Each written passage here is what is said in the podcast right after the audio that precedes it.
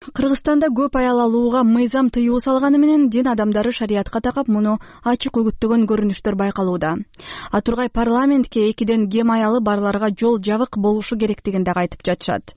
Кыргызстандын мыйзамдары боюнча бир эле мезгилде бир нече аял менен жашагандар эки жылга чейин эркинен ажыратылат. Бирок үстү үстүнө аял алгандар тууралуу коомчулукта көп сөз болгону менен соттолгондор жок аялзат берүүсүнүн бул жолку чыгарылышы ушул темага арналат. Аны кесиптешим канымгүл элкеева алып барат.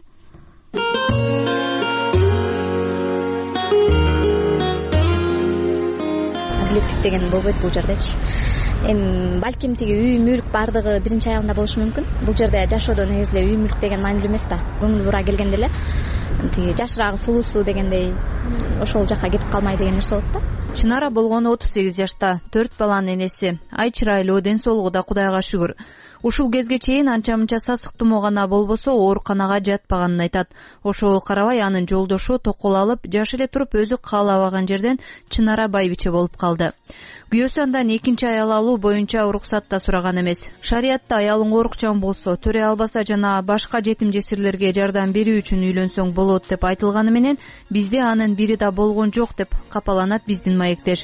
Чынаранын күйөөсү өзүнөн бир топ кичүү кызга үйлөнүптүр аябай эле жаман болот экенсиң чындыгында. Жөн эле мисалы да жаңы эле төрөп келип роддомдон чыгып келип үйдө отурганда мындай аябай кыйналып атсаң карабай эле тигил жагына кетип калат да. Анан тиги эле аялдай чалып алып кээде барбай калса же эметип калса чалып алып тиги эмне жибербей атасың деген сыяктуу наездерди кылат да. Анан ошондо жаман болот экенсиң эмнеге менин укугумду коргогон ким бар каяка кайрылам чынара эки аял менен урушпай талашпай түтүн булатып бирдей мамиле кылат деген сөздөр жомок деп эсептейт. Адилеттик деген болбойт бул жердечи эми балким тиги үй мүлк баардыгы биринчи аялында болушу мүмкүн. Бул жерде жашоодо негизи эле үй мүлк деген маанилүү эмес да. Бул жерде балага аялга болгон көңүл буруу деген нерсе бар убакыт бар. Ошол убакытты бөлгөндө же болбосо көңүл бура келгенде эле тиги жашыраагы сулуусу дегендей ошол жака кетип калмай деген нерсе болот да ушул үч кишинин ортосунда эң эле азап тарткан киши менимче биринчи аял деп ойлойм. Мисалы биринчи аялы күйөөсү тарабынан кемсинтүүгө туш болот биринчи кезектечи.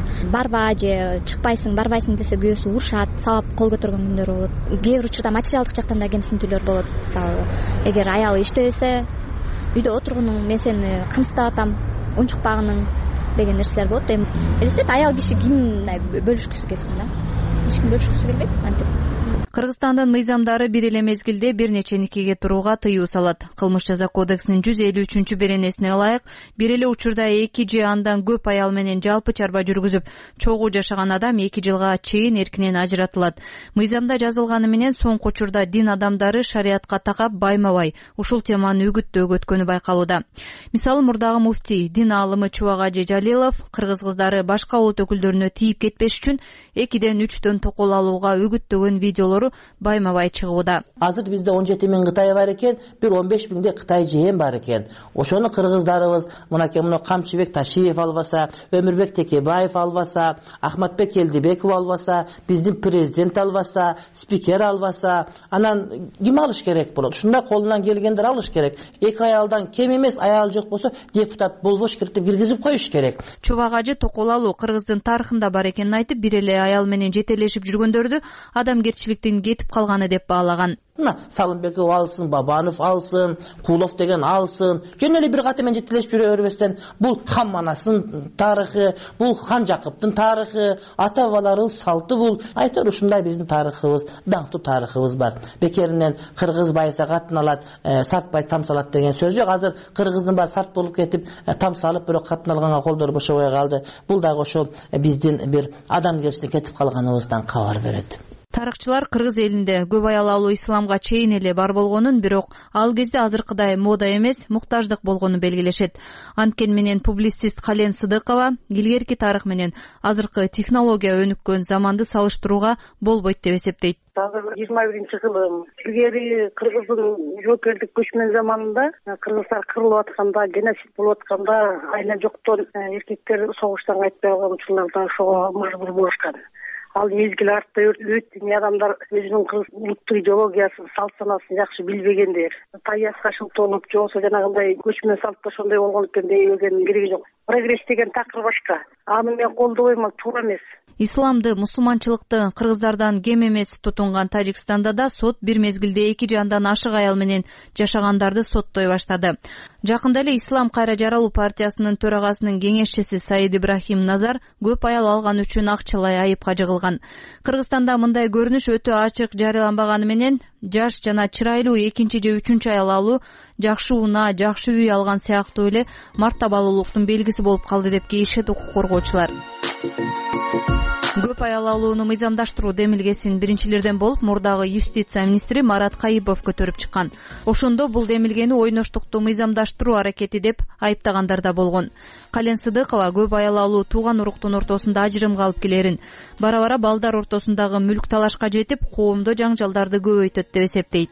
Ал адамды кемсинтүүнүн бай менен кедейдин ортосундагы ажырамды ажырымды чоңойтуп аткан. Аял менен эркектин ортосундагы ажырымды чоңойтуунун ошо улутту басынтуунун бир белгиси. Ал деген мындайча айтканда азыр карым катнаштан боло турган жыныстык оорулардын көбөйүшүнө испитке вичке бир туугандар бири бирин билбей үйлөнүүгө алып келген жолдун бири болуп эсептелет бул бул туура эмес. Анан илгерки кылымдардагы көз караштарды бүгүн колдоонун өзү акымакчылык жана саясий сокурчулук канча аял көп болсо ошончо балдар бири биринен кырылышып кырып отуруп династияны жойгон империяны жойгон учурлар кездешет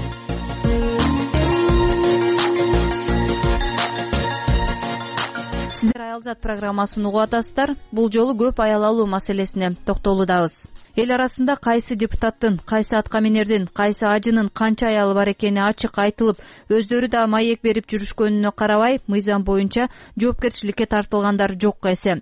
Парламентте адам укуктары боюнча өкмөттүк саат учурунда вице премьер министр абдрахман маматалиев көп аял алуу боюнча төрт жылда беш гана кылмыш иши козголгонун билдирген болчу. Чубак ажи жалилов буга чейин азаттыкка берген маегинде көп аял алууга каршы мыйзамдын иштебей жатканын айтып экиден аялы бар айрым адамдардын атын атаган. Алардан мыктыбек арстанбек өзбек ажи чотонов же мурдагы президент курманбек бакиев жоопко тартылбай эле жүрүшкөнүн белгилеген эле. Өзбек ажы өзүнүн бир нече аялы бар экенин тастыктаганы менен алар менен жолугушууга уруксат берген жок. Азаттыктын баардык аялыңызга тең калыс карайсызбы? деген суроосуна мындай деп жооп берди эми жүз процент эч ким адилеттүү болот даже бир аялга деле адилеттүү боло албайт да.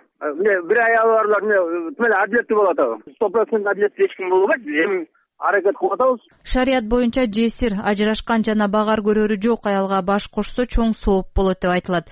Бирок турмушта андай эмес дейт биздин кийинки маектеш токол болуп тийген махабат ошо мусулманчылык деп коюп алып алышып калыптын баарын ышкыртышып ээктерине сакалды коюп алып ишендирип алып алышып канчалары калып атат азыр мисалы үчүн ошондой менин башыман өткөн.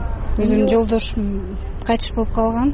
Балдарыман ойдо ошентип мусулманчылык деп уруксат сурап алып алып болгон акчамды алып еще алдап еще канча бир туугандарынын астына уят кылып кеткендер болуп атат. Мен өзүмдүн башыман өткөндү айтып атам азыр. Экинчи кылып алып мен ага каршы болгом. Мен бирөөнүн көз жашын мен эмете албайм десем экөөбүз турмуш курдук. Акырында мени как э, эшекте иштедик но акчасын алды дагы басып кетип калды. Кайра азыр башка бирөөнү үйлөнүп алды. Все ушу башыман өткөн окуя ошол биринчи аялды мен даже көргөн жокмун да.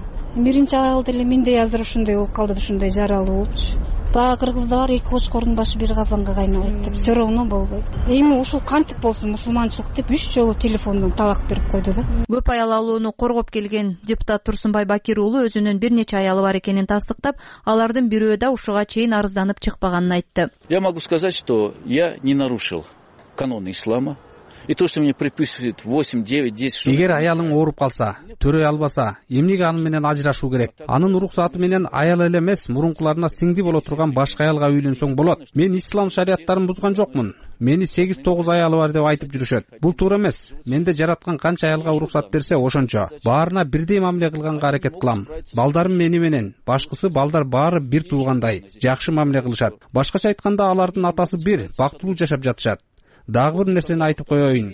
Кээ бирөөлөр бир аялын эптей албай жатат. Канча уруш талаш милицияга арызданышат менин аялдарымдын бири маалымат жыйын өткөрүп же арызданганын уктуңар беле. Конференция либо написала заявление в милицию про меня анткени менен бакир уулунун эң кичүү жубайы нуриза бурханова эки жыл чогуу жашагандан кийин эл өкүлү менен ажырашкан.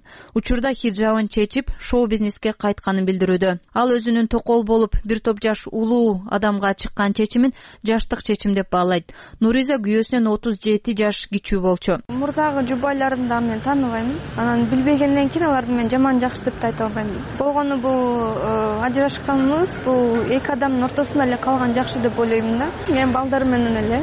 Майрамдар ошо орозо айт болобу же башка майрам болобу өзүнчө эле биздин үй бүлөбүз менен эле ортосунда майрам баарына эле бирдей мамиле кылчу албетте өзү айткандай. Эми эч кимди мындай таарынткан же мисалы үчүн белек алып береби? Ошону бирдей алып берет жаш болуппу же андан бир аталык мээрим издедимби билбейм да.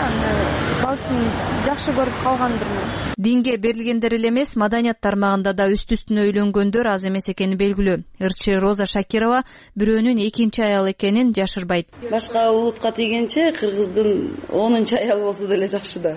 Кыргыздын санын көбөйтөт. Кыргыз эли кичинекей элебиз го азбыз мен экинчи аялымын. Ким билет может экинчи үчүнчү төртүнчү. Бирок зато күйөөм бар кыргыз. Мени колдойт балам бар сезим крестик борборунун жетекчиси бүбүсара рыскулова көп аял алууну мыйзамдаштырып койсо эле баары сонун болуп калат дегенге кошулбайт. Ал кандай эле жапжаш кыздарды э, модельди он сегиздеги он тогуздагы кыздарды алат дагы тиги токолдун балдары байбиченин балдары дедирбей эле жакшынакай эле бизде закон бар да. Ага баргылары көбү келбейт эмне үчүн да мүлкүн бөлүш керек. Закондо андай жок көп аял алган бирок азыр толуп кетпедиби андайлар мындай шарттарда э, кыз келиндердин укугу биринчисиби экинчисиби үчүнчүсүбү балдардын укугу да бузулат. Закон жок болгондон кийин ачык чыга алышпайт. Атам ушул киши деп айткандан айбыгып жаап жашырып. Азыр коомчулук канчалык сындаганы бул маселени кабыл албаганы менен айрым жаш кыздар токол болууга өздөрү макул. Буга жогорудагы эки каарман күбө болду. Экинчиден психологдор эркектер эмнеге токол алат? деген суроого мындай жооп берет. Кыргыз эркектеринин үй бүлө институтуна жоопкерсиздик менен мамиле кылуусу деп айтат элем да аялдар жол бергени үчүн дагы эркектер ушундайга барып атат да. Ушуга макул болгон аялдар болгон үчүн аял эркектер буга барып атат байбиче менен бир маселе болгон болсо буну чечүүнүн жолу экинчи аял алып алуу же болбосо үчүнчүсүн алып алуу деп эсептебейм да. Мунун дагы законго таянып туруп ошого байланыштуу чечим жолдору бар. Андан кийин эгерде ала биринчи байбичең сага жакпаган жерлери болсо аны менен чечишип туруп анан башка үйлөнүү жолуна барыш керек деп ойлойм. Дейт психолог назира кубанычбек азыркы кыргызстанда көп аял алуу менен элди таң калтыруу мүмкүн эмес. Анткени буга чейин мурдагы президент курманбек бакиев баш болуп элге көп аял алуунун үлгүсүн көрсөтүп келишкен эки же андан көп аялы бар деген аттуу баштуулар парламентте да бизнес чөйрөдө да өкмөттө облус жетекчилигинде да отурарын маалымат булактары ачык эле жазып келишет. Сиздер айылзат программасын уктуңуздар. Берүүнү алып барган канымгүл элкеева